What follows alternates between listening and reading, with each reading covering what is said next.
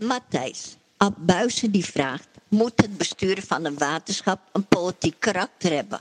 Of is het belangrijker dat ook het bestuur bestaat uit de zaken... water, beheer, milieu, grondwater, peilkwaliteit, kundige leden?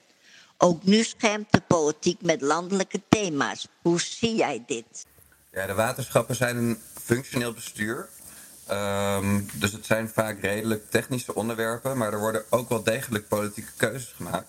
Dus daarom is het wel goed dat het politiek is. Maar het is wel handig als er mensen zitten dat, uh, die er een beetje verstand van hebben, inderdaad. Omdat het toch vaak over behoorlijk technische onderwerpen gaat. Uh, maar er zijn echt wel behoorlijke politieke keuzes die worden gemaakt. Bijvoorbeeld over duurzaamheid. welke, welke ambitie heb je daarin? Um, en kies je voor boeren of kies je voor natuur? Hoeveel belasting betaalt de een, hoeveel belasting betaalt de ander. Dus er, er, zijn echt wel politieke vragen die voorliggen. Dus het is wel goed dat het politiek is. Um, maar deskundige mensen is ook belangrijk. Dus het, moet een combinatie van beide zijn. Um, wat, uh, wat ik er ook nog wel belangrijker vind, is dat uh, we hebben de afgelopen jaren uh, een crisis met uh, cybersecurity blootgelegd. Dus we hadden vragen gesteld over hoe is daar eigenlijk mee geregeld. Nou, toen werd dat eerst een beetje afgehouden en zijn er uiteindelijk klokluiders opgestaan. En die bleek dat de dingen waar we bang voor waren, dat die ook echt uh, nog niet zo goed geregeld waren. En um, omdat het waterschap is eigenlijk voor een groot deel een IT-organisatie geworden. Um, je beheert je interbelasting met digitale systemen. je beheert de data van bewoners en digitale systemen. En je stuurt uh, allerlei assets zoals uh, sluizen en gemalen, die stuur je ook uh, op afstand aan met een digitaal systeem. dus bijna alles wat er gebeurt, gebeurt digitaal. dus het was zo'n groot probleem dat het niet goed geregeld was. volgens medewerkers hadden hackers in principe stukken Amsterdam onder water kunnen zetten, bijvoorbeeld. Nou, dat is natuurlijk een groot probleem. Zeker op het moment dat je uh, in een situatie van uh, oorlog bent. Um, en dat er, dat er uh, Russische hackers zijn die al onderzocht hebben of ze dit soort systemen kunnen platleggen. En of ze dit soort sabotage kunnen doen. Dus nou goed, vervolgens hebben we die problemen blootgelegd. Hebben we ook stappen kunnen maken om dat te verbeteren. En nu mag het nog steeds wel een stuk verbeterd worden. Dus dat willen we de komende jaren ook gaan doen. Dus uh, dat, uh, als het gaat over deskundigheid in de politiek, uh, vind ik die, die ICT-deskundigheid toch ook altijd wel goed om te noemen. En met de Groenen hebben we samenwerkt met de Piratenpartij. Ik ben lid van beide partijen en daarom hebben we dat dus ook kunnen doen. Rosa Luxemburg vraagt: kunnen boeren water in het bestuur monopoliseren, domineren ten koste van de mens? Waarom ligt de macht in de organisatie? Hoeveel geld beheersen en is die verdeling fair? Agromafia men. Ja, je ziet eigenlijk dat boeren een te grote rol hebben gehad in de waterschappen de afgelopen jaren. Uh, in Amsterdam en Vecht is dat wel eerlijk gezegd iets minder erg dan in andere waterschappen. Omdat uh, er wordt hier in, uh, in uh, Amsterdam en in, in, in mate ook in het Gooi wordt toch iets progressiever gestemd. Dus meer op groene partijen en meer progressieve partijen. Um, zoals ons ook. Maar het is wel zo dat uh, je had ook geborgde zetels. Dus het was in het oude systeem zo, wat we de afgelopen vier jaar nog hadden, dat er 30 zetels waren in het waterschap. Uh, waarvan er dan maar 23 democratisch verkozen zijn. En dan zijn er drie voor de boeren, drie voor de bedrijven en één voor natuurterreinen. Nou, er is nu een uh, wijziging geweest, dus het wordt een klein stukje eerlijker. Um, nu is het niet 23, maar 26 democratisch verkozen zetels. En dan zijn er nog twee voor natuur en twee voor de boeren. Dus dat is ook iets meer in balans. Dus uh, we, hebben een mooie kans om er uh, na de verkiezingen weer een stukje, stukje groener uh, uit te komen. Dus dat, wat, ons betreft dat is een hele mooie ontwikkeling. Um, want ook omdat boeren vooral inderdaad zo'n dikke vinger in de pap hadden, hebben ze bijvoorbeeld kunnen tegenhouden dat agrarische vervuiling belast werd wat natuurlijk heel vreemd is. Uh, uh, onder het motto uh, de vervuiler betaalt, is de, de, de industrie wordt nu iets meer belast. In onze ogen zou het nog meer moeten gebeuren.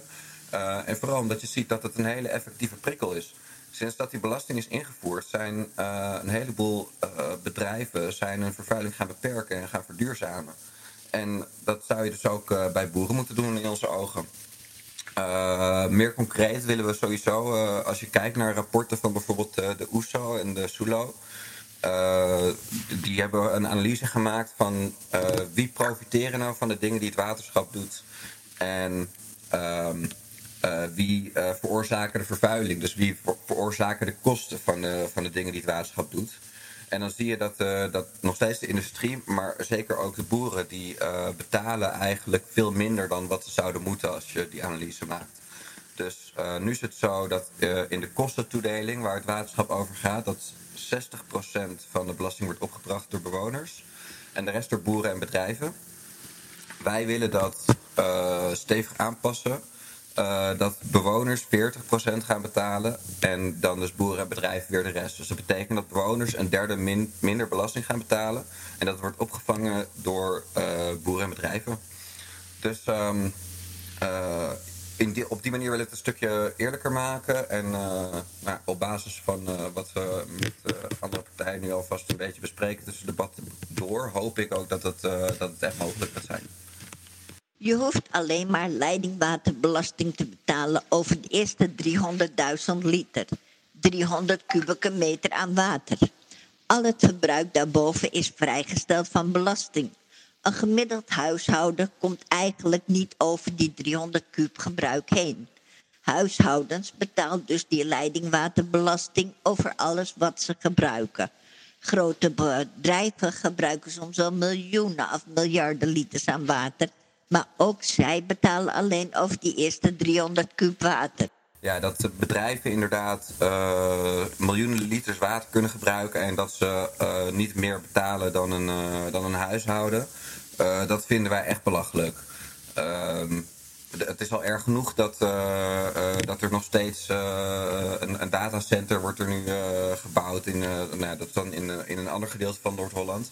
Maar dat soort bedrijven die slurpen gewoon een heleboel drinkwater op. Ten eerste kan je al afvragen van nou moet dat drinkwater zijn of kan dat niet ook gewoon vervuild zijn als het bijvoorbeeld is om een datacenter te koelen.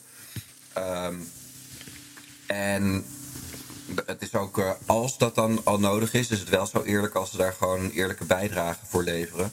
En je zou zelfs kunnen zeggen dat het een uh, progressieve belasting moet zijn dat de grote verbruikers juist meer gaan betalen. Want als een normaal huishouden kan je niet zo heel veel uh, eraan doen hoeveel water je gebruikt. Er zijn natuurlijk wel bepaalde dingen die je kan doen.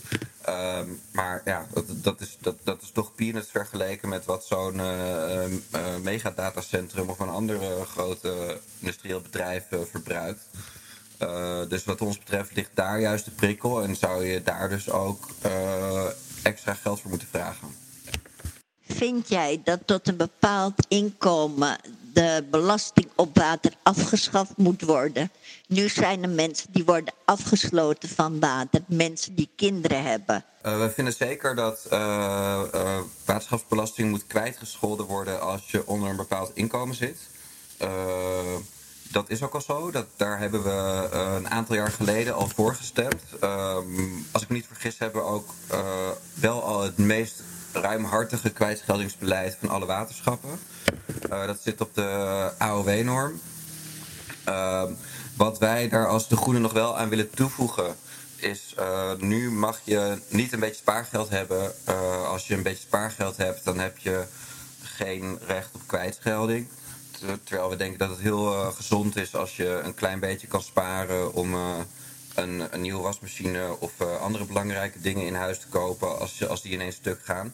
Dus wij willen een grens van 10.000 euro spaargeld wat je mag hebben.